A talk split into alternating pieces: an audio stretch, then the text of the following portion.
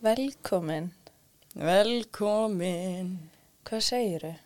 E, ég er þreytt, Já, búin að svo í tvo tíma eftir nætuðagt. það er nú ekki nýtt.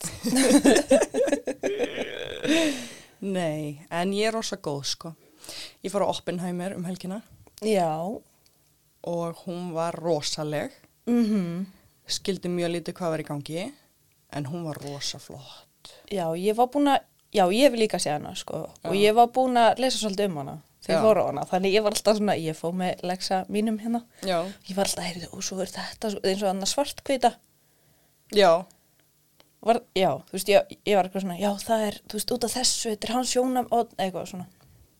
Þannig að ég svona skildi Ég- aðeins. En, ég skildi nefnilega ekki svarkvita því að svo var sumt að gerast eiginlega á sama tíma en samt ekki svarkvít. Mm Það var bara því að það var hérna sjónahornið Robert Downey Jr. Hver er Robert svona- Downey Jr.? Ækla, þú leikona, veist ekki hver Robert Downey Jr.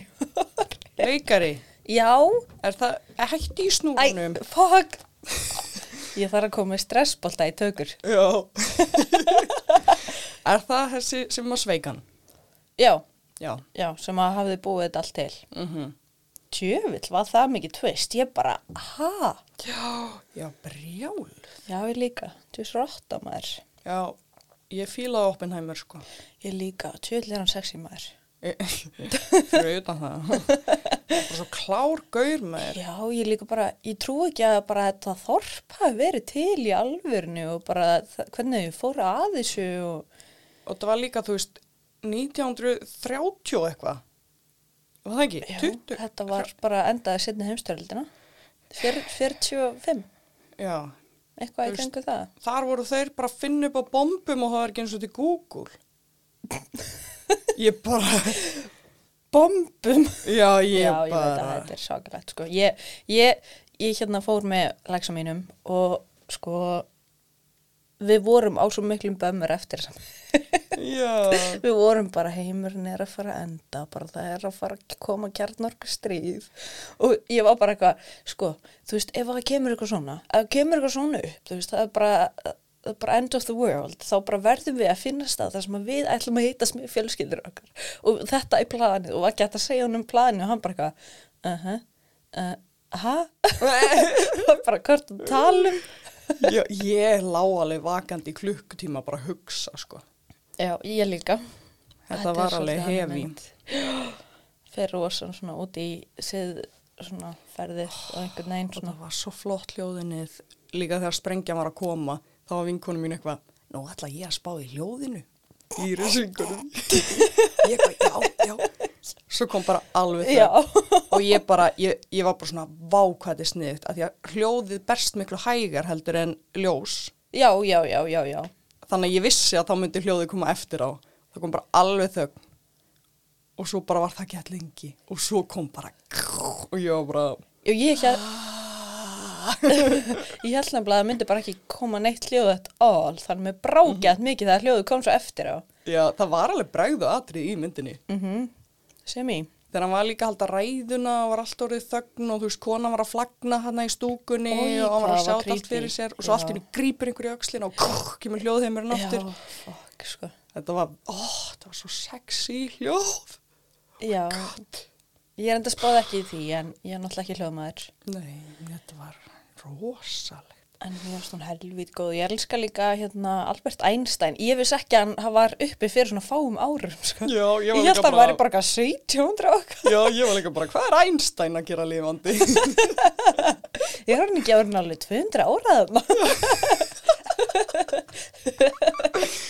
og þeir þekkjast á bara. Já, ég bara, og mér fannst svo fyndið. Hvað var ógæðslega Patty að starta öllu þessu drama yfir því að hann var að segja eitthvað við Einstein. Já, og ég, svo bara kom ljós að þeir voru ekki eins og að tala um hann. Bara hann snýri Einstein gegn mér og bara eitthvað neinn eftir það bara eitthvað rúlaðist bara eitthvað einhver svaka springja á stað bara sem eigður að lífa hann sem ég bara já, ég bara rosalega dramatísku gaur. já ég bara, þú veist ég skil hann ég, skil, ég myndi alveg hundra ég myndi alveg 100% líka vera bara, býttu hvað sá hann með mig, þú veist, hvað var hann að segja, hvað voru þeir að tala um mig, eitthvað, því að þú veist, það var mjög skrítið að Einstein labbaði þarna fram hjá honum og bara svona sem í hunsa hann, ég var alveg svona, hvað ætla að hafa gæst, skilur, þú veist, ég var alveg að googla eftir myndina, bara akkur, akkur var ekki Einstein að horfa á hann, þú veist, akkur, en það kom bara eitthvað að, að því að hann var vist bara svo ómerkilegu maður að Einstein bara gaf hann ekki eins og tíma deginum sko. Það átti að hafa verið málið. En þú fórst á Gay Pride. já, ég hérna alveg hérna, ég, ég fór ekki á gönguna sko. Pride. Já, Við skulum ekki segja Gay Pride. Þetta er. LGBTQNA plus uh, præt. Pride. Já, ég hérna, ég var búin að glemma gangan væri. Ég var bara í göngtúr með litla barnið mitt. Varst í göngutúr. En já, Fattar að væri göngutúr niður í miðbæ. Já, basically. Þú veist, ég var í Paradísadal, bara hlusta á podcast og, og svo var ég allt í henni bara, ah, heyrðu, það er prætgangan í gangi núna. Já. En ég er að meina, hvað getur maður gert? Þú veist, ég bara var eitthvað svo utaðið mig. Ég bara var bara spá í hundin mínum og bara einhvern veginn að, þú veist, hafa næst með henni og svo bara allt í henni, já, það er ganga maður, þú veist, það er bara einhvern veginn, já. En allavega ég fór heim, tók svona smá svona reset inn í Mm. nýja viku og hérna, fyrir mig, hérna, þú veist, var að fara eða, þú veist, fá mig frosna pizzu. Já. Oh my god, vá, var að fara að gera svona frosna pizzu. Ætlaði bara Restauranti? kann, nei, þetta er Pizza Planets, Já, já. miklu betra. Morkasti verður ekki glömið þetta. Ég veit það, en ég bara, þetta er svo góð pizza. Já, já. Þetta er allt vegan pizzas. Ok, Þannig að þær kannski verða bara sáttar. Já. Bara óvart, prófaði ég þessa pizza einhvern tímann og ég er bara mikið af svona veganosti og veganosturinn svo góður. Og, mm. Mhm. En hérna, svo allt inn fæ ég skilabóð bara, já, það er hérna præti kvöld og hérna þá er, þú veist, bara frá tveimaðalum. Já. Og ég bara, oh, anskotin, ég get eiginlega ekki mista af þessu. Og hérna, en samt var klukkan árið sex og ég var bara að fara að gera mig tilbúna fyrir bara eitthvað mjög rólegt kvöld. Já. Ríkið búið að loka, og ég bara svona, þú veist, fá, ég er ekki eins og niður búin að færa ríkið, skilur Mhm. og það var mjög mikill bömmir af því ég hefði þá þurft bara að fara neyri bæ og kaupa mér bara expensive drinks sem að ég nefndi ekki alveg ég nefndi líka ekki að mæta bara eitthvað klukkan 8 neyri bæ þú veist, mér langaði þá bara að koma klukkan 10 eða eitthvað Já. en þá dætti ég inn á hérna vöfveslun sem að var að senda heim áfengi og hérna þau ég ákvað bara að þú veist, degstra smá við mig Já. panta mér áfengi heim Mhm. kefti mig bjór og rauðvín og ég fekk heim innan við klukkutíma Wow. Og bjórin var svell kaldur. What? Já, ég bara, ég var í svo miklu himnaríki. Wow. Þetta var svo næs, ég þurfti bara, þú veist, ég bara einhvern veginn ítt á þrjá takka og þá bara einhvern veginn var þetta komið heim. Og ég fekk mér bara pizza og bjór og bara var feitt að njóta. Love it. Þetta var svo næs. Svo hittustu við niður í bæ. Já, eins og alltaf. Sitt, ég er alltaf að reyna að vera svo wholesome og svo fyrir við alltaf út í þessar jam umræður. En mér var bóðið á svona event sem að heitir Sleikur. Já. Ég svo svegt af kýktingin okkar maður. Þetta var ógeðslega flott. Já, hvað er þetta? Þetta var bara svona queer event Mhm. og hérna, þú veist, það var dansskól, þetta var í bíóparadís. Nó. Já, þú veist, og í einu herbygginu var dansgolf, svo var svona, uh, svo var bar og svona staðið fyrir fólk til að sitja og það var í öðru herbyggi og svo var bara inn í einum bíósalnum, þá var bara verið að flúra fólk. Og maður gæti satt, setið þar og verið bara að horfa á. Þetta var svo fucking cool concept, það vildi engi koma og svo var ég, ég var bara í einhverju gaurapartíi, skilur, og, veist, og, og Daniela, en Var þetta inn á hérna hinseindaga.is eða? ég veit að ekki, Daniela sendi mér þetta bara. Bara, við erum að fara þangað. Ég hef nefnilega búin að vera að skoða síðuna sko en ég man ekki eftir að sé þetta. Ég hefði viljað koma á það sko. En ég fór í innflutt, nei, hérna útflutningspartí, kveðjupartí hjá vinum mínum. Og þar sátur fimm strákar að tala um Já, þetta, tölur.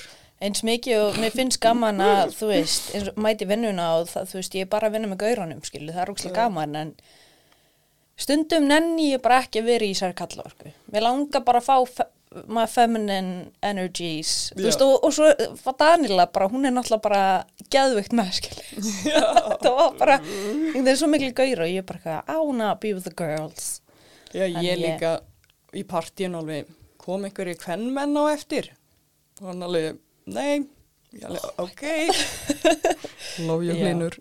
Já, veist, það, er alveg gaman, skilur, en maður bara svona stundum er maður bara ekki stuði til að vera bara í masculine energy. Ég þekkti líka bara vinn minnana Já, það er boring. Og líka, þú veist, þeir að tala um tölfur, þú Já. veist ekkert um, eða þú veist, þú veist ekki mikið að spila tölfur, þú sagði náttúrulega hana Country Strike og þetta er Counter Strike Já, og mamma einn þurfti að leiðra þetta. ég var líka bara, hvernig veist þú hvað Counter-Strike er? já, ég var mjög, bara svona, ha? Hvernig veit mamma einn þetta? En, já. En hérna, mér langaði samt að segja líka hérna takk allir Já, fyrir að kíkja á okkur. Það bara, ég hérna setti Instagram ads til að gera okkur aðeins sýnilegri. já, svo að við værum ekki bara að tala fyrir framann vinu og ættingja. Og það var bara helvíti mikið af fólki sem að kíkta á okkur. Já, takk fyrir að tune in. Já, takk fyrir að hlusta. Bara og við vonum að þið séu að njóta Já, hlust alltaf slægir hún í eitthvað. Ég, Kann ekki að sita kjur, þessi sko. Ég ég hef aldrei tekið eftir þessu fyrir núna. Í dag?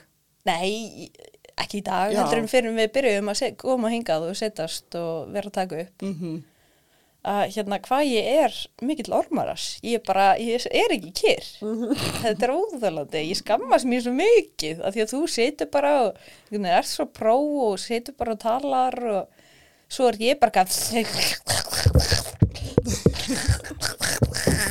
bara hérna alltaf já alltaf. Og hérna já alltaf að hérna færa mækin til og frá og Ég veit ekki hvað þetta er, þetta er bara, þetta er óþálandi sko. Þetta er ofirknin Já. Samt ekki með greiningu. Nei, alltaf er ekki í græningu Jú, en, Hættur við? nei, ég bara einhvern veginn hef ekkert komið mér í það. Ó, ég held að það væri búin að panta á tíma Ég, ég, ég sendi og ég ætlaði að tala við sálfræðingi minn um þetta en svo bara vorum við svo sáttar með, hérna, ég glemdi og við vorum bara svo ánæði með lífið og tilveruna, já, hvað, að hún útskrifaði mig. Það er alltaf þannig Ég, ég panta mér tíma hjá sálfræðing á meðan ég er í niðursveiflu Já. Svo um leið og ég tala við hana þá bara Ég, ég segi bara fínt en þú Já, Bara það- ekki fucking neitt En ég samt náttúrulega var búin að vera í bara down in the dumps í vor. Mhm. Þú veist, það var alveg þannig. Ég, veist, það, ég var bara svona, leksi minn, hann var alveg bara svona, þú þarft að fara til, þú veist, bara þið líður ekki vel. Og það var alveg þannig, þú veist, ég var líka bara í ógislega mikilli móðu alltaf, var bara einhvern veginn á autopilot alltaf, leið ógislega illa með lífið. mm -hmm. Þannig til ég skráði mig hjá henni og, já, hún, hún hjálpaði mér en, en getur ekki sendt á hana þú veist, þú þarfst að ræða Jú, eitthvað? jú, hún Já, sagði bara, þú veist, já, svo bara ef þið vantar mig þá bara ringir og finn þú veist, við reynum að finna fyrst að lesa tíman, sko. Mm -hmm. Love it En ég bara, I'm so happy að ég einhvern veginn, ég er líka bara, þú veist, mér líður vel mm -hmm. í lífinu. Ég var líka að byrja að geða ykkur bók. Hvað bók? Buy your own fucking lilies. Ó, Já, ég mæla með henni. Ég held að þú hefði gaman að henni. En þú ert samt ekki mikill lesari. nei Hún er sko, hún er svona um hvernig maður á að endurbyggja líf sitt. Já, þú veist, þetta er um einhvern uppistandara, ég veit ekki alveg hva, hvað uppistandara þetta er, þú veist, það var bara hvað ég sá þetta á TikTok, googlaði þetta og þá bara pdf-skjál sem að er bara bókin. Þannig að ég nice. hérna downloadaði því bara að byrja að lesa og þetta er bara svona um konu sem að var, þú veist, að bara lifa af. Veist, Mhm. en hún var ekkert að lifa, hún var ekki að njóta og lifa, hún var bara, þú veist, hún var í vinnu var alveg að standa sér velja að dölta en henni leið bara ömulega og var bara að gráta í vinnu og bara svona skilju þangar til að hún ákvað bara að snúa sér við. Og hún skrifaði bók um svona sitt journey. I love it. Já, ógstlega skemmtilegt. Ég mæli með, Sjálfsagt. líka bara þjóni frí. En þú veist, ég veit ekki, ef mér líst vel bókina þá kannski kaupi ég hardcoverið já, já, á já. til heima. Svona til að styrkja. Ég, ég, ég hef ekkert á móti því að hérna dánlita myndum. Ég er alveg saman það en, en ég vil styrkja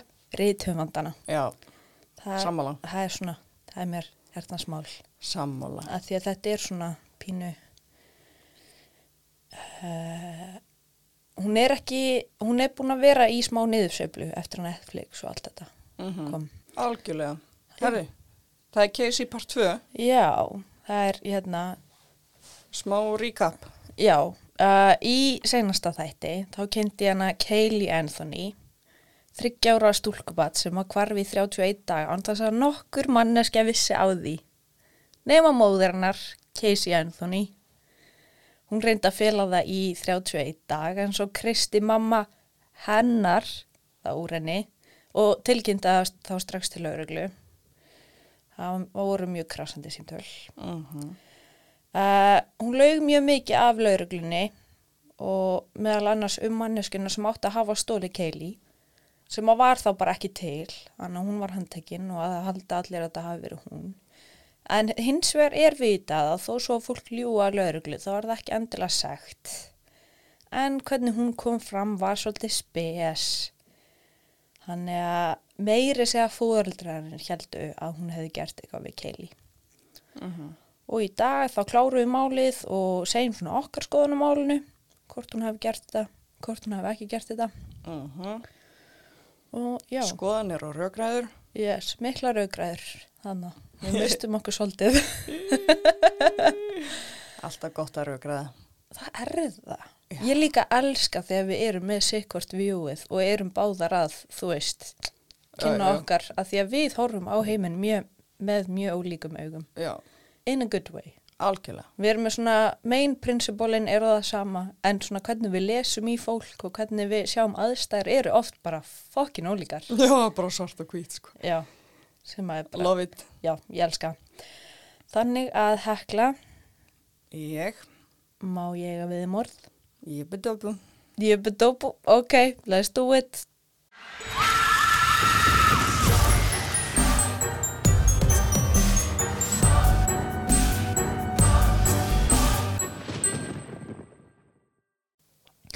Eftir áheyrn eða bond hearing var sett hálfa milja dollara í tryggingu eða bond. Þannig er þetta alltaf kallað bond, ég veit ekki. En það er bara hérna bail, sama bail á Casey. En hún satt ekki lengi inni því þann 21. ágúst minna en mánuði síðar borgar Tony Padilla eða Pony, Tony Padilla, ég veit ekki, sem er frendi Leonard Padilla sem er vinsæll bounty hunter í Kaliforníu. Ha, býtu, er þetta ekki Tóni kærastinn hennar? Nei, það er Tony Lazaro, þetta er Tony Padilla eða Padilla. Og Segðu aftur, hann er frændi frægs body hunters. Jeps, í bandaríkjunum. Og hvernig þekkjast þau? Ekki neitt, hann var bara frægur, hún var frægt mál, það vildi bara allir finna Casey og hann hérna Leonard Pad Padilla. Padilla Já, ok uh, Hann var þekktur víða og máli með Leonard var að hann borgaði tryggingar til að leysa út fólk sem að hann trúði að gæti leitt lauruglu að líkum fórnarlampa sinna. Þannig kom hann inn í málið. En hann var bara staðsettur í Kelly, átti heima þar. Ok, þannig að hann er að leita af Já, Kaylee. fyrsta daginn sem að þau fara út og hérna, hann vil hérna fara að finna Kelly, þá hefur hún bara ekki áhuga á að tala við hann, þannig að hann tók bondið tilbaka. Er það hægt? Í greinilega, það Ok. okay. allavega stendur hana. En það stóð líka sko að hérna hún hafi farið aftur í fangelsi af því að það komst í ljós að hún hafi verið að falsa tjekka frá vinkunni sinni. Annarkvort, getur verið, verið bæði. Svo líka komst hún eiginlega bara ekki út úr húsa því að fólk var svo mikið á mótmælinni. Já, Þetta var mjög frægt, allir í bandaríkjunum vissi af þessu. já. Fólk var að mæta heim til þeirra að fá ekki mótmæla þeim. Mm Þetta er ennþá, ennþá þannig.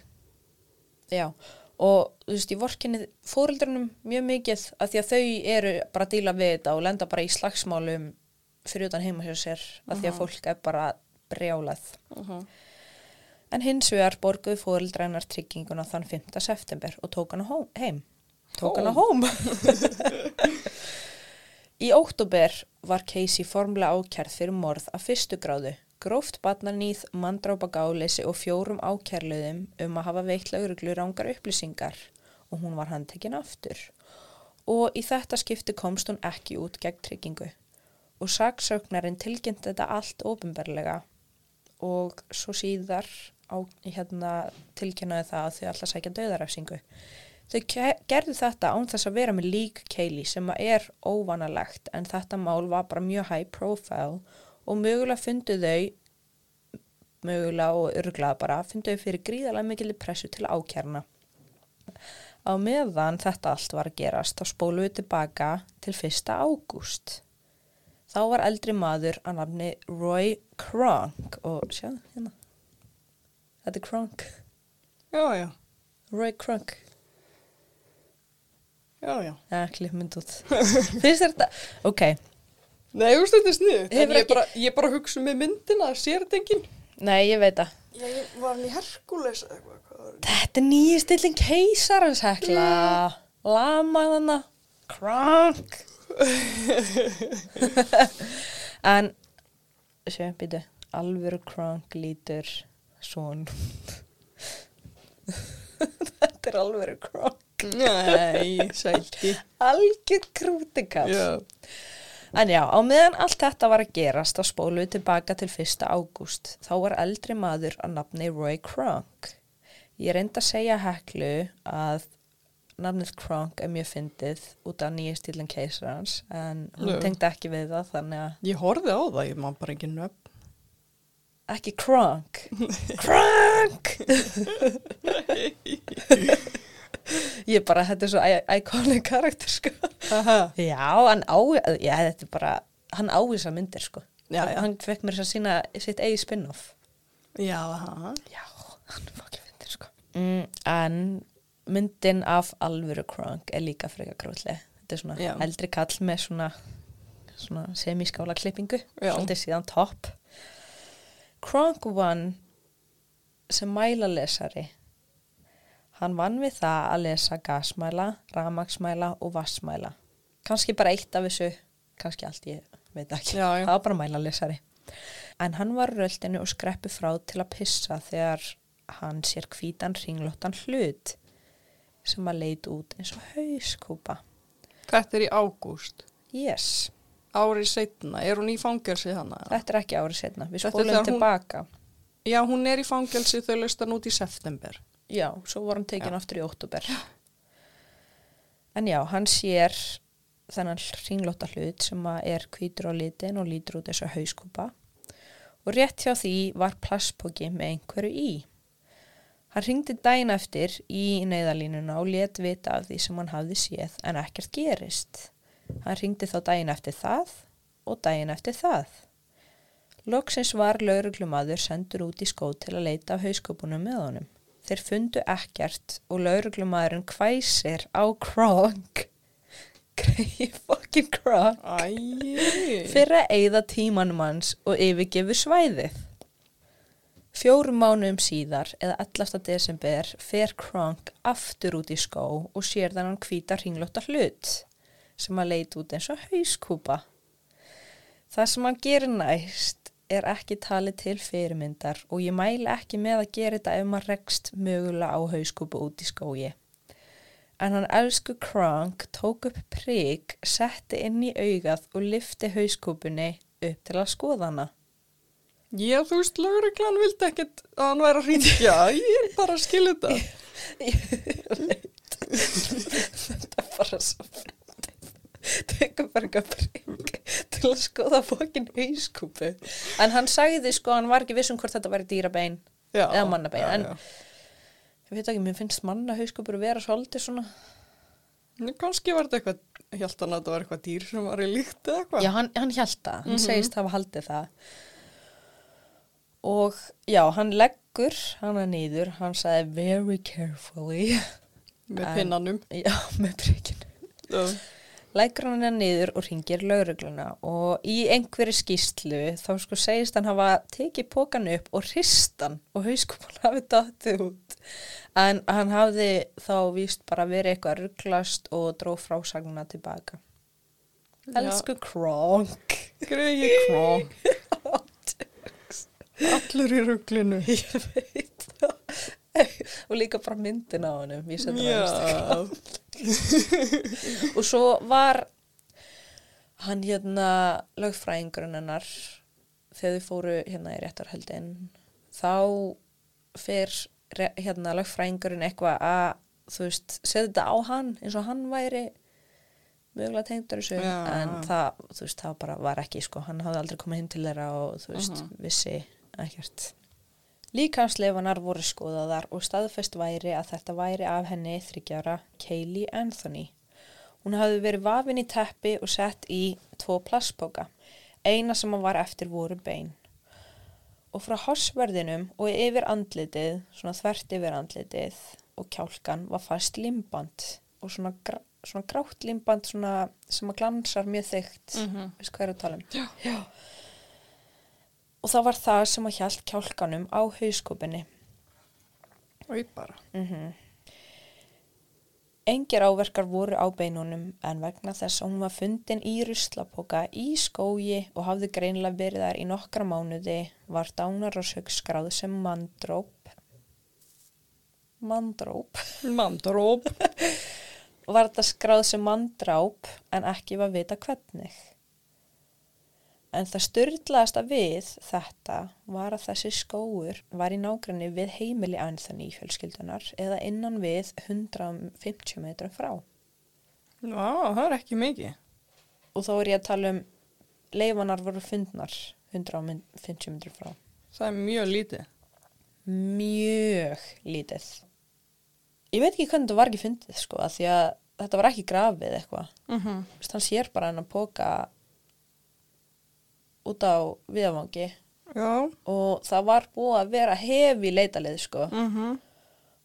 og náttúrulega pappenar, George Anthony, var lögga Já. og hann hafði eitt mörgum tímum bara heilu nóttunum í að leita af henni. Mm -hmm. George Anthony tók ekki vel í þessa fréttir og fór á hótel og tók um 70 töflur og drakk eins mikið bjór og hann gat og skildi eftir fimm blaðsýrna sjálfsvíksbref. Þar sem hann lýsir sektakent sinni um að hafa ekki verið betri fadir og afi. Hann gæti þetta ekki lengur og ætlaði að vera með Kaylee Marie. Hann kendi sér um að hafa ekki fundið hana þegar hún var grafin svona nálagt heimilinu og hann hefði átt að gera meira og hvað hann leið illa fyrir Casey. Mm -hmm. Sjúkraflutningamenn náðu honum í tæka tíð og hann var fluttur á spítala. Hann Ok. okay. og hann náði sér bara fullum bata. En hvað heldur þú að konan hans hafi látið vita eða eitthvað? Láti vita, Hvernig náðu honum í tæka tíð? ég bara veit ekki, ég held að hann hafa bara verið spottaður eða eitthvað. Var hann ekki einn inn á hótelherbyggi? Uh, jú, hún gæti hafa farið niður á barinn eða eitthvað. Og þetta er sko, þetta er alls ekki fyndið. Nei. En það mann, sem hann skrifar svona á köplum er mér fyndið. Af því að hann er augljóslega búin að fá sér bjórin og töflunar og hann er bara eitthvað, this is stupid. I am stupid. Yeah. My writing is weird now. Þú veist, hann er bara Já. alveg að, og svo er hann fyndin. Mm -hmm. En þetta er bara, úf, sko, rosa sorglegt. Já.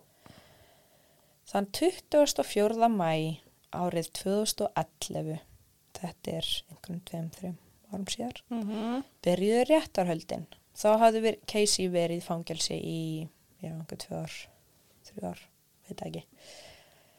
Opnunar yfirlýsingin hjá saksóknara Linda Burdick. Burdick.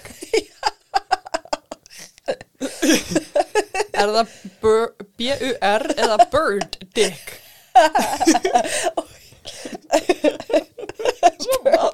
Bird-dick? Burdick. Það verður svo barnalega.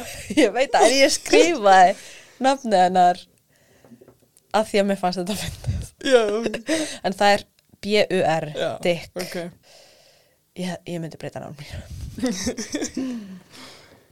Hún lýsir því hvernig Casey leit út fyrir að vera frábær mamma en í raun var það bara ein blekking. Í 31 dag meðan dóttir hennar var tínd var hún að jamma vesla og honga með kærastanum sínum.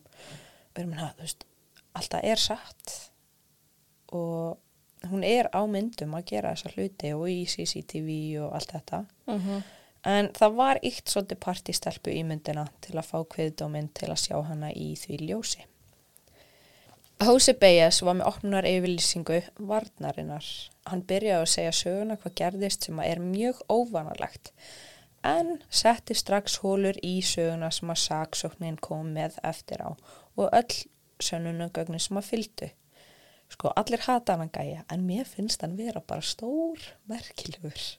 Nú, Já, þú mynd sjá hérna. En hérna er svo ræða. Everyone wants to know what happened.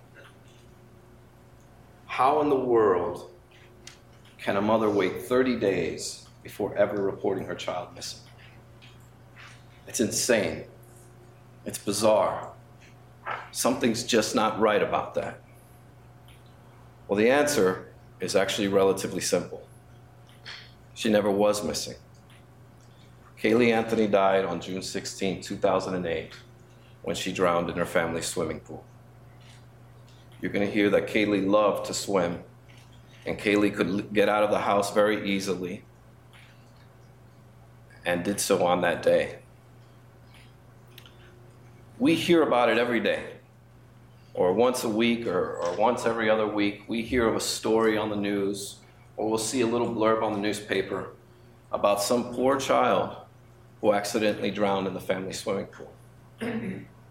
Well, the reason we're all here is because not of the commonality of this tragedy. Now, that's far too, unfortunately, it's far too common. In fact, in the state of Florida, it is the number one way that children die is drowning in swimming pools. But what makes this case different, what makes it unique, what makes the reason we're all standing here today is because not of the commonality, but of the uniqueness of the family that it happened to. You will hear s- stories about a family that is incredibly dysfunctional. You will hear about ugly things, secret things, things that people don't speak about, things that Casey never spoke about.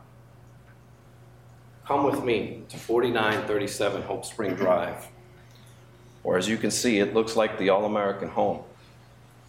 In fact, you can drive by any home in the United States and never know what goes on behind closed doors. You never know what secrets lie within. You never know what's going on.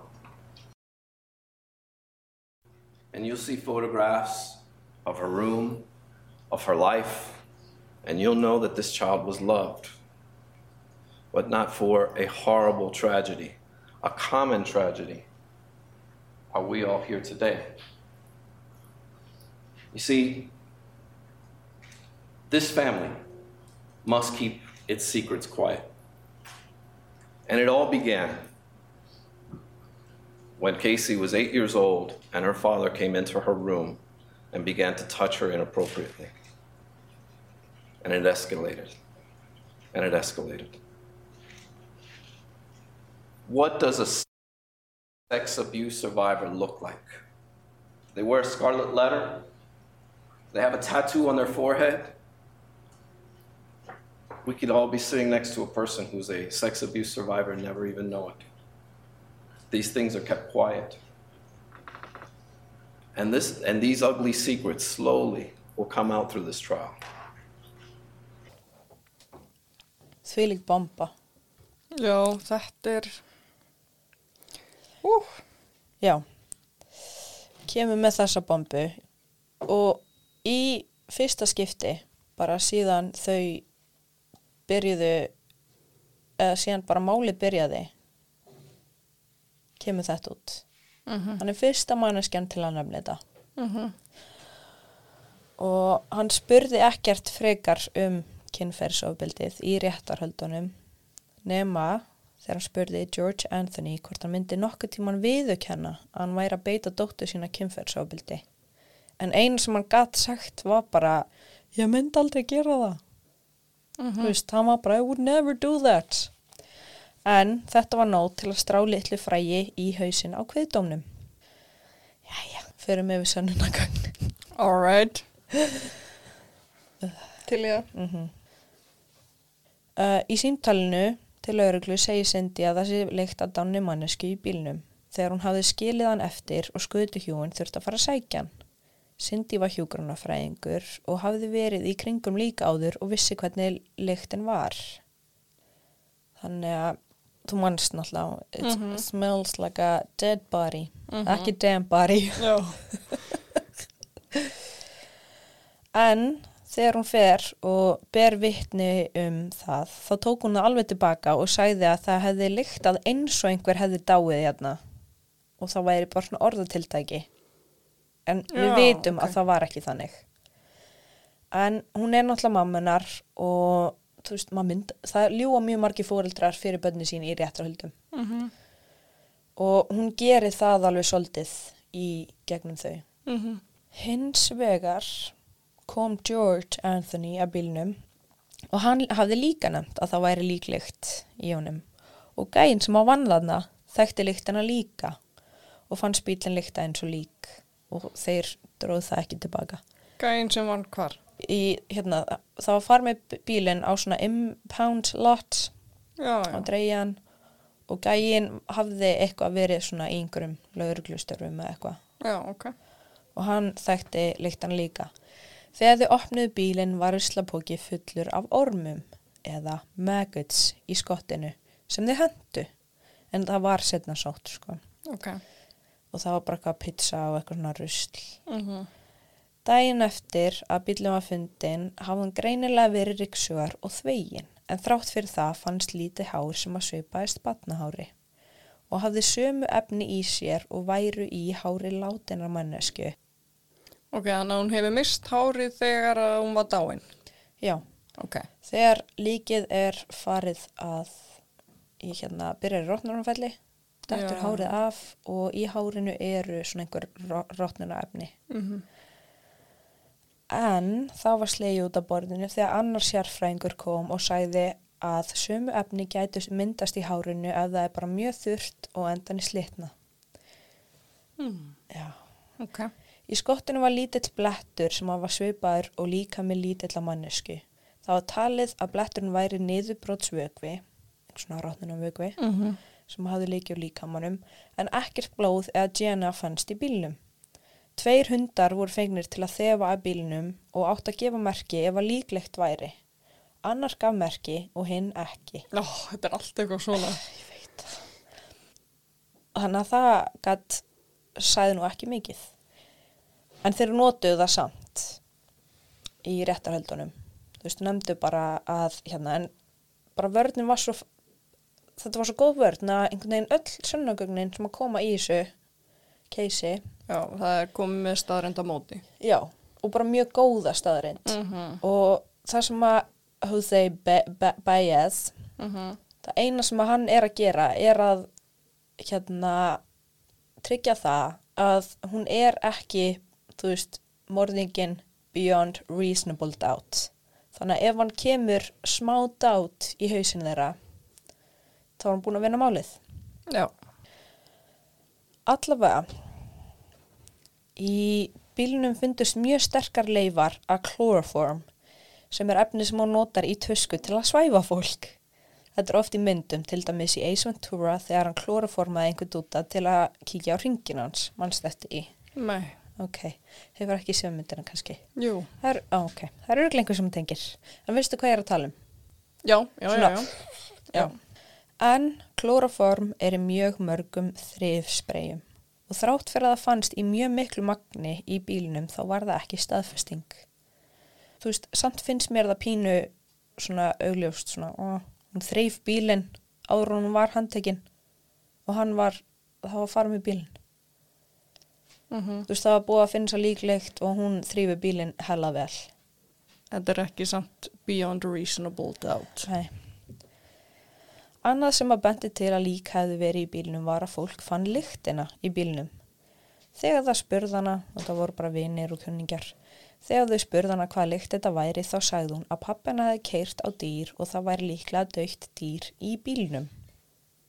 Ok. Komist var að þeirri niðurstöðu var að líklega hefði barnalíkami verið gemdur í bílnum í 1-2 daga og líklega í tveim pókum með vapning en líklega var bara engi staðfesting. Og þó að líkami hennar var í bílnum þá er ekki dánarsök eða ástæða fyrir morði. Mm Já. Klóraformið þyrft að vera heimagert og í fjölskyldtölfunni var googlað chloroform og í þeim lýsingum þurft að vera gríðalegt magn af efnum og engar sannanir voru til um það að Casey hefði keft þessi efni. Og Cindy fór á standin og bar vittnu um það að hún hefði óvart googlaða og ætla að googla, ég, bara, ég fann ekki orðið. Ég er búin að, að heyra það svona miljónsum, ég fann ekki orðið. Það er eitthvað svona, hún var að googla eitthvað, til, eitthvað meðal fyrir hundi sinn því hann hafði borðað bamboo, bambus, Já. í garðinum. En ítti óvart á chloroform. Teipið sem að var á andlitinu var líka afsannað. Það hefði geta verið í ruslapókanum og dotti á hauskópuna þegar pókin var færður. En Var þetta ekki teipað í kringum einhvern veginn? þetta var ekki í kringum. Þetta voru svona þri, þrýr, þrjár svona stripes en yfir sko öllu andlitinu hennar. Já. Þú veist, það var bara tæni lítil hauskúpa, þrýr svona þykir bútar yfir andlitinu. En það var bara tekið út af borðinu og þeir, þú veist, reyna og reyna og reyna en bara hann var með svo frábærar, hann var með svo rosalega góð svör við þessu öllu. Mm -hmm. Þú veist, og þessi 31 dagur, hann fekk svona grieving counselor, sorgarfræðing, veit ekki Já. inn og hún segir að það sem ungt fólk gerir þegar það lendir í áfalli er að það heldur því inni og talar ekki um það. Mm Og hann fær konu að nafni River Cruise eða Crystal Holloway til að taka standin. Crystal Holloway hafði sagt að George Anthony og hún væru í ástasambandi. Pappin? Já, ég held þú vissir það. Já, eh, þú veist, það er mjög langt síðan ég horfði á þetta, eða samt ekki, ég bara man ekkert. Já, það voru tilsönunagögn um það að hann hefði verið að senda henni SMS og senda henni bref þar sem hann talar um hvað hann er þakkláttur að hafa hann í lífi sínu og hann sakna hennar Eins og pappar gera. við Crystal Holloway hjákonu Ó, já, Já. ég, ég held að það var að segja að hann var í ástasambandi með Casey. Nei, Crystal Holloway eða River Cruise ég veit ekki hvort hún heitir Já, ok. Ég-. Já, þess vegna var ég líka bara, wow, ok. Já, hún tók þátt í leitina Kaylee en svo byrjaði eitthvað samband. Hún viðkendi að hún leitaði til þeirra en þau ekki til hennar. Svo sko seldi hún söguna sína að því að inn í sögunni segir hún að George Anthony hefði viðkend, fyrir henni að þetta hefði verið slís sem að snowballed out of control. Ég veit ekki hvernig ég á að segja það á íslensku, bara það datt úr öllu valdi, eitthvað, þú veist og hún seldi söguna sína einhver svona tabloid magazine sem var ekki eitthvað svona svakalegt rannsóknarblaða, svona svakalega virt blað, það var bara svona tabloid, hún seldi það fyrir 4000 dollara eða 548.000 krónur í dag. Mm Var þetta eftir réttarhöldin sem hún seldi Nei. söguna? Fyrir? Gerða fyrir. Ok. Vegna þess að sýsterina hafði samband einhver tíman þannig að fyrir að segja öllum blöðum að hún hafi verið að eiga í sambandi og að hann hafi sagt þetta. Hún sagðist hafa tekið dilnum vegna þess að allir voru að trasha hana í fjölmiðlum. Þegar hún er á standinu fyrir hún rosa mikið að gráta en engin tár koma. Hmm. Ég græt oft og það kemur ekki tár, sko. Jæja, ok, mér fannst þetta eitthvað feik sko, það var svona pínu krokodililegt. En einnig þegar það koma hólur í sögunennar eins og til dæmis að þegar saksóknarinn dregur út sambandi þeirra þá verður hún mjög pyrruð.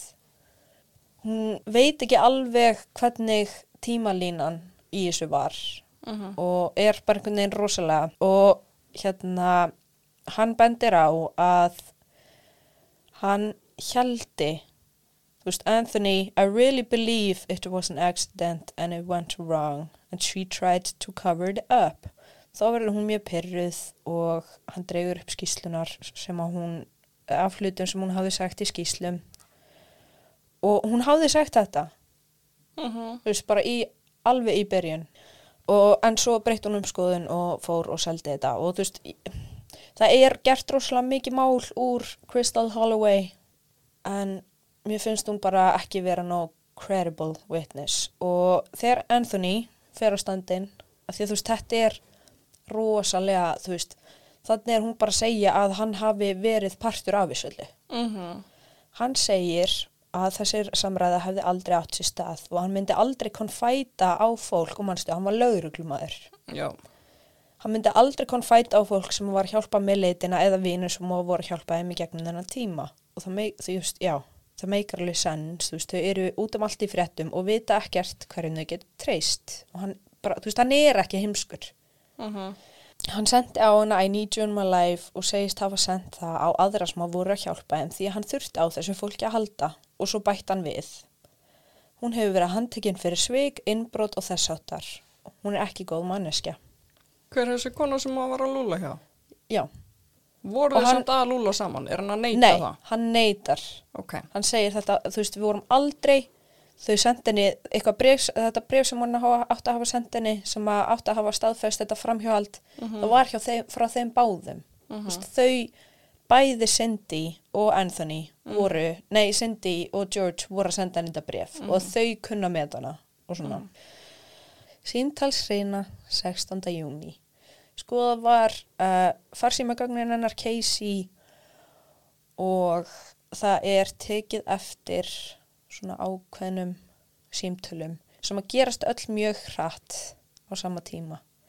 En þetta er svona, fjögur tíu, mamma vinna, hún svarar ekki. Fjögur ellefu, mamma GSM, svarar ekki. Fjögur þrettán, mamma GSM, svarar ekki. Fjögur fjórtán, mamma vinna, svarar ekki. Fjögur nítján, Tony Kæró, já, kærastennar, hann svarar ekki heldur. Uh, og eitt, Jesse, hann svarar ekki. Er hún að ringi þau? Hún er að ringi þau. Ok. Sorry, já, ég hætti að taka það fram. Og svo seinasta fjögur, tuttu og fjögur, mamma GSM. Og enginn að þeim svarar. Eftir þetta hættur hún að ringja og ringir svo bara í mömmu sína klukkan hálf sjö, fer svo heim til kærastans um átta og þau fara á blockbuster. Og í myndavél sést enginn Keili. Mhm. Það tók kviðdóm, hvað heldur langa tíma? Hvað myndur þú giska svona í þessu máli? Tvær vikur. Það tók kviðdóminn 11 klukkutíma. Að, að segja hún væri ekki sög. Já. Hún var acquitted af öllum ákjærliðum nema að hafa logið af lauruglunni. Mhm. Þannig að Casey lappaði úr fangelsi viku setna. Ég held að þið myndu þurfa að rökra þetta eitthvað meira. Ég hefði aldrei... Þetta var, hefði- en bara það, þeir gerðu þetta, en það var bara þessi ký hlutir sem að þeir voru í málinu og það var bara slegið þetta, skil, það var bara bílinn, klóraformið, þú veist, þessi physical evidence sem að voru fundin Mhm. og þau voru, þú veist, þú, já, bara þau sett hann upp sem partí mömmu, sögðu hún vildi sleppa frá mömmu lífinu, drapa hana með klóraformi, sett hana, setti þetta teip og he- hendi henni út í skó. Mhm. En Jose Bejos, hann bara bjóð til reasonable doubt. Já. En það sem að margir rugglast á er að það var allt í lagi að hafa smá doubt. Þetta er beyond reasonable Já. doubt. Já. Bara að eins og í Alec Murdoch keisinu, mér fannst ekki nóg til þess að þetta væri beyond reasonable doubt. Þótt ég held að hann gerði þetta, þá get ég ekki sagt að ég sé með without a reasonable doubt. Já, já. En þar sem að hérna, hún er búin að fara í gegnum dómin og lögin Double Jeopardy eru sem að þýðir að það má ekki reyna mannesku tvisra fyrir sama glæpin. Já. Þá mun Casey aldrei þurfa að horfast eða fara aftur til, Nei, akkur má það ekki. Akkur var það gert. það er bara constitutional rights Og akkur, sem heitir Double Jeopardy. og veistu hvaðan það kom? Eða þú veist, hvað það byrjaði? Nei, við þurfum að gera þátt um það. Það er bótið í hérna Crime Junkie. Hún er alltaf, hún er alltaf að fræða mann um þetta. En það sem kom ekki fyrir í réttarhöldunum voru ákveðnar netfæslur. 2.49 eftir að George Anthony hafði farið í vinnu pingar síminina Casey rétt hjá heimilinu og kveikt er á tölvunni á heimilinu og akkántinina Caseyar er opnaður sem þurfti líkilorð til að opna. 2.51 opnast Firefox og Casey var ein á heimilinu sem að notaði Firefox og George og Cindy notaði Internet Explorer. Cause they old. Yeah, þetta var back in the day. Já. Googlað er Foolproof Suffocation og 5 sekundum setna opnast síða sem að gefur ráð um fool, Foolproof Ways to Die og inn í þeirri grein stendur Poison yourself and follow it up with suffocation by placing a plastic bag over the head. Mm. Einni mínútu síðar opnast MySpace eða Caseyar. Já. En þetta var ekki tekið in court. Nei, vegna þess að þetta hafði bara gæst daginn sem að hún dó Mm -hmm. og einhvern veginn hafði þetta bara týnst. En Jose, Be Baez vissi af þessu og hann held að þau myndu jarða þau með þessu. Þetta er náttúrulega bara semi, Mm -hmm. já, þetta er, þetta er mjög sterk sönnunagagn um að hún hafi gert þetta því að þau nota ekki Firefox, hún var með líkilorð. Ég trúi því alveg að hún hafi ekki treystum fyrir líkilorðinu sínu. Já, líka hún var ein heima. Mm hann, fa- vinnu. hafði, hann hafði farið í vinnuna hálftíma fyrir. Mm Og mamman líka. Já, og hún var að pinga þannig í turninum sem að Já. var hjá heimilinu og svo, opnast, svo opnar hún MySpace sitt Mm og fyrir eitthvað að gera þar. En þetta týndist þannig að saksóknin fekk aldrei þessi gögn í hendunar. En ég veit ekki hvernig B.S. vissi af þessu. Þú Veist, hann skrifar um þetta í bókinu sinu og hann var samt alveg tilbúið með svar. Og það var að ef þetta hefði komið fyrir þá hefði hann sagt að þetta var gert af George Anthony því hann ætlaði að fyrirfara sér eftir þetta. Hmm. En það var samt inn á akkántinum hennar og svo fyrir MySpace hennar. Já. Og sko hvernig saksóknin setur þetta upp er, já, ríkið setti morðið upp svona. Casey notaði klóraform á Kaylee, svæfði hana með því að setja teip á andlita hennar og setti líkama hennar í tvo plastboka. Mm -hmm. Hósi se- leggur þetta þannig upp að hún hafi druknað eins og laug, eins og það segir á hann. Já.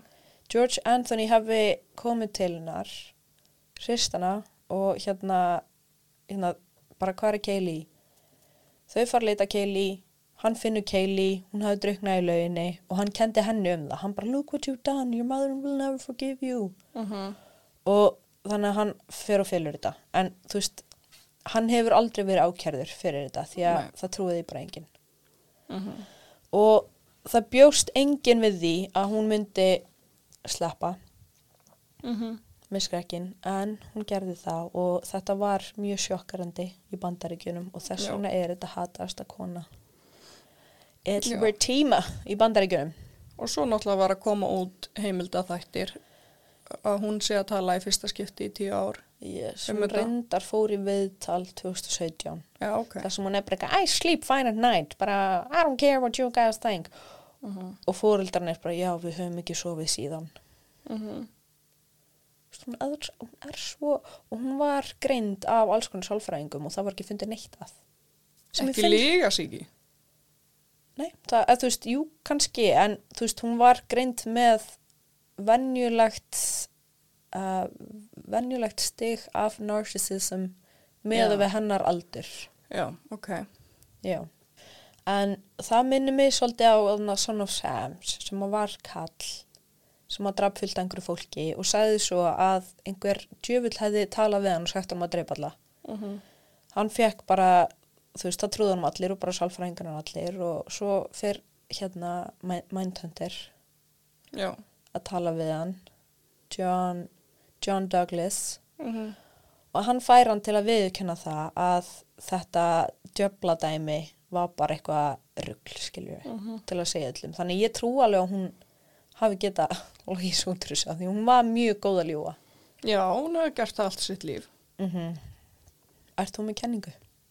Já, ég er náttúrulega bara, þú veist, eftir að ég horfði á heimildamindina, því ég er náttúrulega, þú veist, ennþá opinn fyrir að heyra hennar hliðfattaru -hmm. og, og þú veist, þá tala hún akkurat um að pappin hefði alltaf sagt að badni að hún væri á lífi að væri alltaf lægi meðan hún gati ekki fengið að hitta hana, látti eins og að sé ekkit í gangi, eitthvað svona. Og þú veist, þetta gæti verið annar lígi, fattari. Ég er alls ekki að útiloka það. Það er ekki til myndband af þessu. Ég reyndi að finna það. Af Af ég- hverju? Að hann er að segja að það verður allt í lagi, þú veist. Nei, það er ekkit myndbandaði. Hún var að segja frá því. Já, hún sagði að þegar hann hitt hana, heimsótt hana í þessum klefa sem þau- hún var að tala við með hún pappan í, Já. þá hafi hann verið að fullvissuna um að þetta erði allt í lagi og, Já, þú veist, en, en þau eru Ah, ok. bara eitthvað, we need to find Kaylee. Já.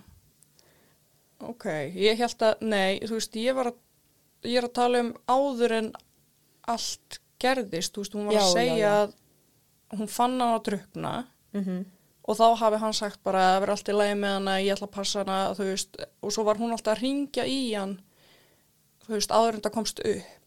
Og var alltaf að spurja, þú veist, hvernig hefur hún það og hann bara, já, er allt í lagi en þú getur ekki fengið að hitta hana strax en þú veist, láttu bara eins og þessi ekkert í gangi, ekki tala við neitt um þetta. Og þú veist, hann var alltaf að segja þetta við hana. Og þú veist, þetta gæti verið annað lígi, ég er alls ekki að útiloka það, sko. En hún sagði mitt, þú veist, þegar hann fór til lauruglunar og þeir voru að tala við hann, þú veist, hann var alltaf bara svona með þeim í liði og það var aldrei yfirheyrt hann. Já, það er ekki satt. Jú, ok, hann var ekki yfirheyrður, en engin nema Casey var yfirheyrður af því að hún var eina sem var góð með í líi. Hún var, var grunuð. Á samt ekki að yfirheyra alla sem eru nála Þá fóru allir viðtöl Já, og þau gáfu öll bara allt sem þau gátu og það, þau voru aldrei góð með í neittni líi, þau sögðu endalist og það er tala um í þessari, þessari hérna mynd hvað hann var mikill svona felli með köllunum. já, En þú veist, ég fann myndband þar sem hann er bara látað að heyra það, sko. Bara, þú veist, já, hann... pappin. Já, Já, hann veit það. Hann var svolítið yfir þeim, sko. Nei, nei, nei, hann var pyrraður hvernig málið var höndlað, þú veist, það tók fimm klukkutíma fyrir rannsóknarlögmann að mæta. Þau fengi ekki að sjá Casey í viku eftir hún var handtekinn sem var óvennilegum tími. Og þú veist, alls konar svona, bara, þú veist, og bara ég er virkilega ekki sáttu með þetta. Þú veist, þannig að hann var ekkert alltaf eitthvað, I'm one of you guys, eitthvað. Þú veist, hann Nei. sagði bara, ég hef Hann reynslu af þessu og þetta er það sem að, þú veist, svona var þetta þegar ég var. Já, já. Og það gæti verið breytt. Hann sagði það aldrei sjálfur, sko. Það var bara, þú veist, tala um það hvað, þú veist, að því að hann var gammal lögreglumæður, hvað er bonduðu, fattaru? Eða, þú veist, bonduðu. Bara hvernig töluðu við hvern annan, þú veist. Það hefði örgulega engin annar tala við þá eins og hann talaði við þá. Jú, veistu, það ég náttúrulega- gæti alveg sé pappa fyrir mér, tala svona við hann. Og hann bara, þú veist, pappi minn, hann, já, Já. hann er ekki einhver sviðblindiki, skilju. Mér fannst þetta bara mjög eðlileg viðtöl. Já, algjörlega. En þú veist, ég fann samt alveg að hann var meira, En það var bara hann ein klippa já, já, í já. myndinni, Já, þú veist, eitthvað. En, þú veist, og þar er hann að segja, þú veist, eitthvað, you can't trust anything she says. En það er bara satt, skilju, þau vita bara, hún lígur, lígur, lígur og hún er alltaf að stela þeim hún er að, þú veist, ég, ég veit að ég er ekki að segja að hún sé ekki sög. Ég bara, já, þú veist, Sek. Sek.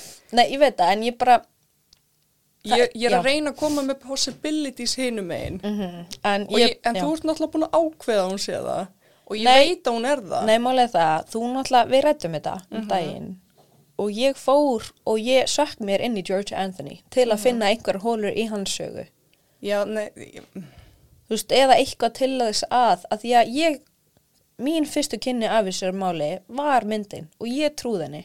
uh En bara, þú veist, allt sem ég er búin að segja, þú veist, það er bara svo ógæðislega mikið, þú veist, til um þetta og það bara bendir allt til þess að hún hafi gert þetta. Já, algjörlega. Og ég trúi því. Mm Það er bara, þú veist, ég hefði viljað vita meira um pappan, fattaru, og það væri talað aðeins meira við pappan.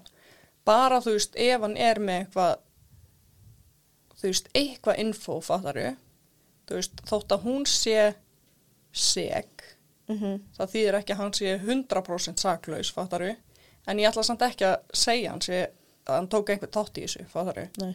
Hvað heldur að hann hefði gert? Eða svona, þú veist. Ég Bara spá hvort hann vissi eitthvað, fattaru. Mm Já. Þannig er, meina, ég spilaði fyrir það að mynda vel að síntalið. Þegar við já. hittust. Já, já. En þú veist það er náttúrulega mjög auðvelt að þykjast ekki í vita neitt, fattur við? Mm En hún var böstu við það og syndi líka. Við hvað? Að ljúa. Já, já, Meðan já. málið var í rannsókn og í réttarhöldum. Já, ég veit það. Ég, þú veist, eina, mitt point er bara, þú veist, að Hún er seg, ég veit það. Já, og líka, sko, nei, ég, ég er ekki að segja það. Ég er bara, þú veist, ég er að segja, þú veist, það hefði pottet verið tekjan í einhver lígi. Það var skoða þetta svo vel. Já, svo er þetta náttúrulega líka, þú veist, þú ert líka sjúkur þá er auðvelt að kjatsa því lígi en þú veist, bara venjuleg manneska getur logið einu sinni og, og það kemst aldrei upp um það, fattar við? Það er það samt, að því að syndi, hérna, sagði til dæmis að, þú veist, ég meina, þau er ekkert með á skrá allt sem þau hafa sagt, skilur við. En bara allt sem að hann segir virðist bara vera on point. Já, þú veist, ég trú, ég trú alveg mest öllu sem hann segir, fattar við? Mm -hmm. Eiginlega öllu, Já. en Við ég er náttúrulega... getum ekki vita, sko, að hvort hann, hérna, beitt henni kynförsofbildi. Nei, Þú veist, ég ætla ekki að slá út á borðinu. mm Kannski, það er bara, kannski gerðist afskilur, þú veist, viðbröðunar voru mjög innlæg Mhm. þegar það er verið að tala um þetta, þú veist, hún horfi bara beint fram, er rosalega svona skrítin í framann, svona eins og sé að reyna að halda inn í sér, en svo sér, sér maður bara tárin leka og leka og leka. Mhm. En þú veist, kannski er það bara, þú veist, sagt að kent að vera, þú veist, pappa, hann var búin að vera mjög supportive, Mhm, já, hún segi ásakan. já, og svo er hann að segja þetta. Já, en ég veit ekki. En líka bara, sko, ef við hugsum um, hann var laurugla. Hann vissi að druknun var mjög líkleg, eða þú veist, var mjög algeng dánar orsök hjá Þú veist, Þau segja það að hún hafi druknað í lauginni. mhm, Hann veit að ef hann ringir á laurugluna, tilkynir þetta, þá mun ekkert gerast við Casey. mhm, Það var bara þannig, hún hefði ekki verið handtekinn. mhm, Það hefði ekkert komið fyrir hana. mhm, Þú veist, þetta var bara freak accident. mhm. Það er rétt. Já. Sem, en svo að- líka skrítið að hann sé laurugla og þau eru að tala um þetta að þú segja að hún sé missing á netinu og svo tólf dögum setna að láta lauruglu við Já, en það er kannski ekkert þau, skilu. Það er bara hún Cindy. Já, Að hérna deila tilfinningur sín á MySpace. En hann fær ventilega að heyra það, þær líka áhyggjurnar. Pottjætt. Og þau, og hann hitt hana, sko. Hún var eitthvað að stela hérna bensín fyrir utan, eh, hérna úr bílnu þeirra. Svona sjúti bensínið, sett í brúsa, tók það. Og hérna, hann tekur hana og seg, hérna, þegar einhvern tíman, nokkrum dögum setna, kemur hann aftur heim. Hann segir henni þetta bara, já, hérna, það var stóli bensín hjá okkur. Og hún bara, nú, ha, eitthvað, what? Og svo hérna segir hann, heyrðu, ég hérna þarf að sækja út í bíl eitt. Og hann ætla að fara að kíkja hvort þessar bensíntunur væru. Mm -hmm. Af því að hann náttúrulega vissi bara, þau, þau vissi að hún hefði stólið þessu.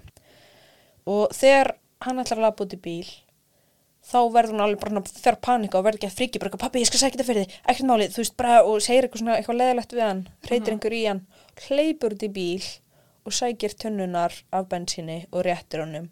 Svo þegar hann bara, þú veist, sér þetta, finnst þetta skrítið, þá fyrir hann að spyrja, þú veist, bara, hvað er þetta, þú veist, hvað er Kaylee, skilur, hvað er í gangi? Og hún bara, ég þarf að fara að drífa mig, hérna, ég er að fara til Jacksonville, byrjunar í burtu og hann bara eitthvað, what? Er hún ekki búin að vinna, vera að vinna á fullu? Mm -hmm. Af því hún hafði sagt um það og hún hefði verið að vinna. Heyrðu, eitt líka. Nú? Oh my god, ég glemdi krúsjál dæmi. Shit, þetta er sko, þetta var svolítið stórt. Kvöldið fyrir bara alleged morðið, Mm -hmm.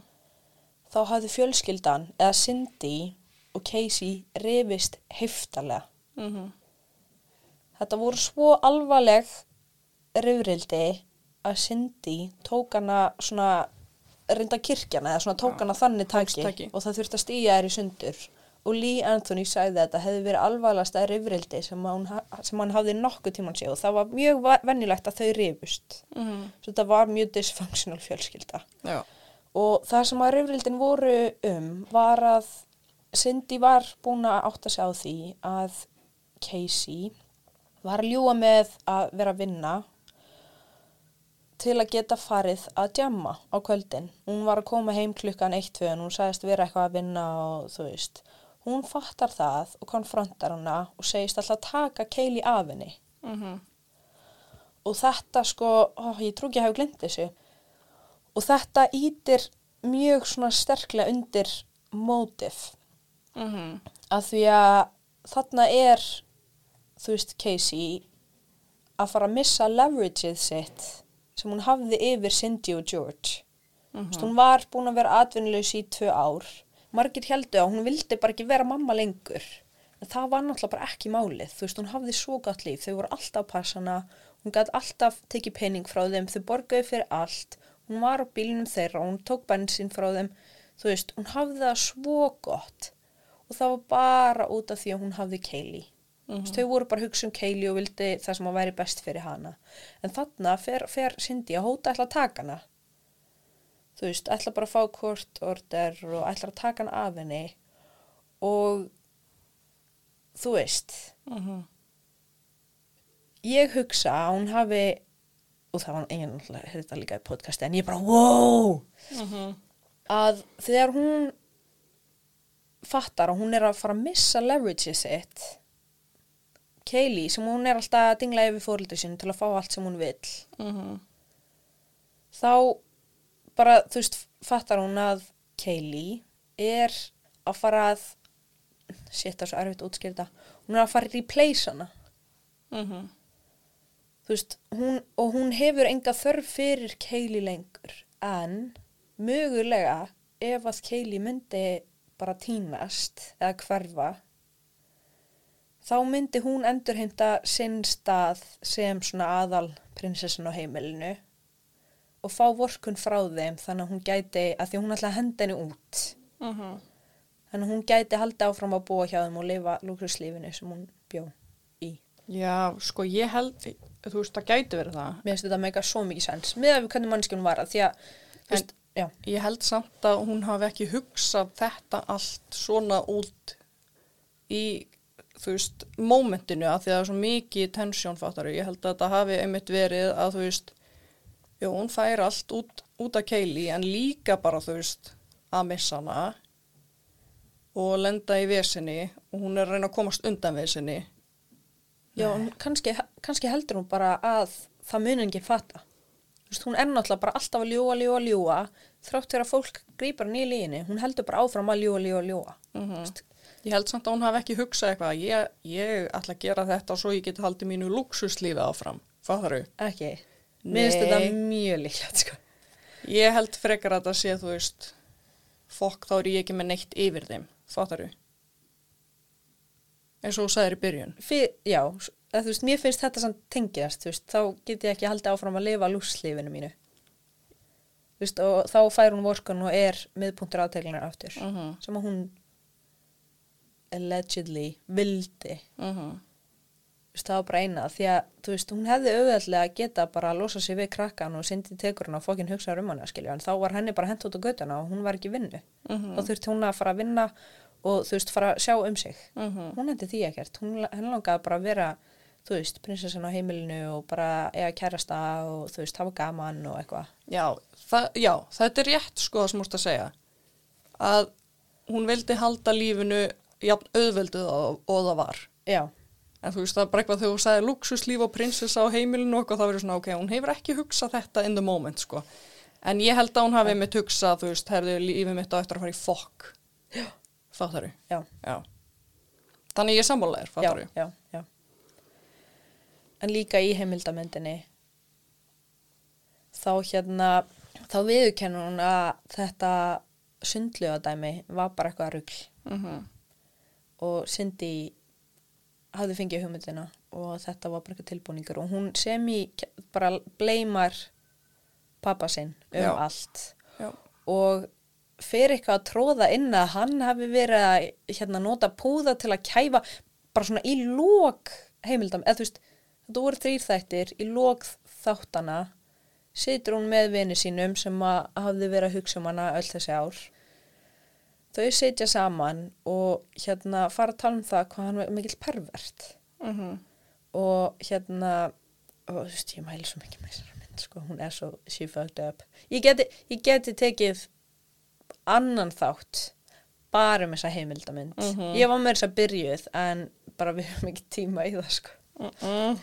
en hérna þá fyrir hún að segja hann að, veist, er að kæfa sig með púða og eitthvað til að hérna rótana og misnótana og hún var farin að gruna að hann var að gera það við keili líka Mhm. en það bara passar ekki við þetta klor, hérna, chloroform og þú veist og hérna og Nei, þetta líka bara eh, að hérna I, foolproof suffocation sem Mhm. var googlað, þú veist það bara it's a fact þetta var googlað á heimilinu það var engin heimanum á hún, það var Mhm. búið að kíkja á þetta, hvort að George hefði þú veist, verið á heimilinu en hann var bara farin, hann mætti við vinnuna á réttum tíma, hann þurfti að vera farin ef að það þetta gerast það er óstert sönnunagagn sko. Já.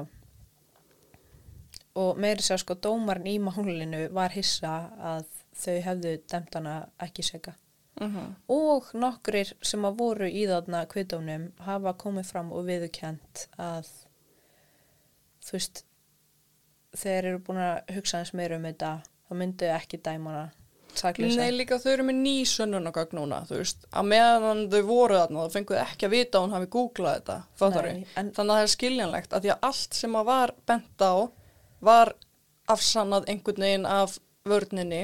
Ég veit en er það samt ekki alltaf gert í öllum málum og Já, margir fær í fangilsi? Það er ofta ekki góði punktar, þetta voru góði punktar, Já. hann var góður, mjög góður og hann var líka með hann að Aaron Fernandez já, já, já, hann er mjög góður, sko. veist, Ég- mjög frægur. Ég skil að hún var dæmt, veist, að það var ekki hægt að dæma hana beyond reasonable doubt, af því að þetta voru svo góð rökamóti. hann potaði svo mikið á hólum í þetta. Mm F- bara, veist, það er svona finnst mér svona merkilur Mhm. fólk hatar hann gæja, en mér finnst hann svo merkilur, bara Já, hvað ertu fucking klár og gáfaðir Ógeðslega. En ég trúi alveg 100% að hún gerir þetta. já, ég líka ég, þú Ok, veist, 99. já, já, já Ég, ég, er alltaf bara, eitthvað svona... ég er alveg hundrað, þú veist, Já. ég trúði 100% ég fór, í, ég byrjaði að skoða þetta mál með það í huga og hún væri saklaus og mm hennar hefði gert þetta en bara það me- meira sem ég skoðaði það bara bendi allt á hana Mhm. Þú veist, ég er bara aldrei 100. Nei. Ég er, ég er með O.J. Simpson 99, fattar ég. Að ég er alltaf tilbúin að heyra ný rök og... já, veistu, ég er vissar að hún- hafi gert þetta heldur en O.J. Simpson hafi gert sinn glæp Okay. ég horfði bara Mér þættina stu ég er bara jafn, sko, það, mér stu bæði jafn fucking sick, sko. já hún líkti sínum máli við O.J. Simpson málið Mm -hmm. ég veit ekki af hverju, ég man ekki alveg en ég var bara að minna núna það er ekki góði punktur hjá henni. nei, Jæja. en já, úf, við erum búin að vera hann svolítið lengi Já, herðu, hefur þá segið þetta gott já, bara takk fyrir stórt flóki mál. yes, you're welcome takk fyrir að hlusta það og taka þátt með, með mér í því Já, taka með mér þátt í því nei, what? já, já, bara ég er eitthvað svoleiðis. svoðin, heilin er farin Já, herðu, takk í dag takk, takk. Bye.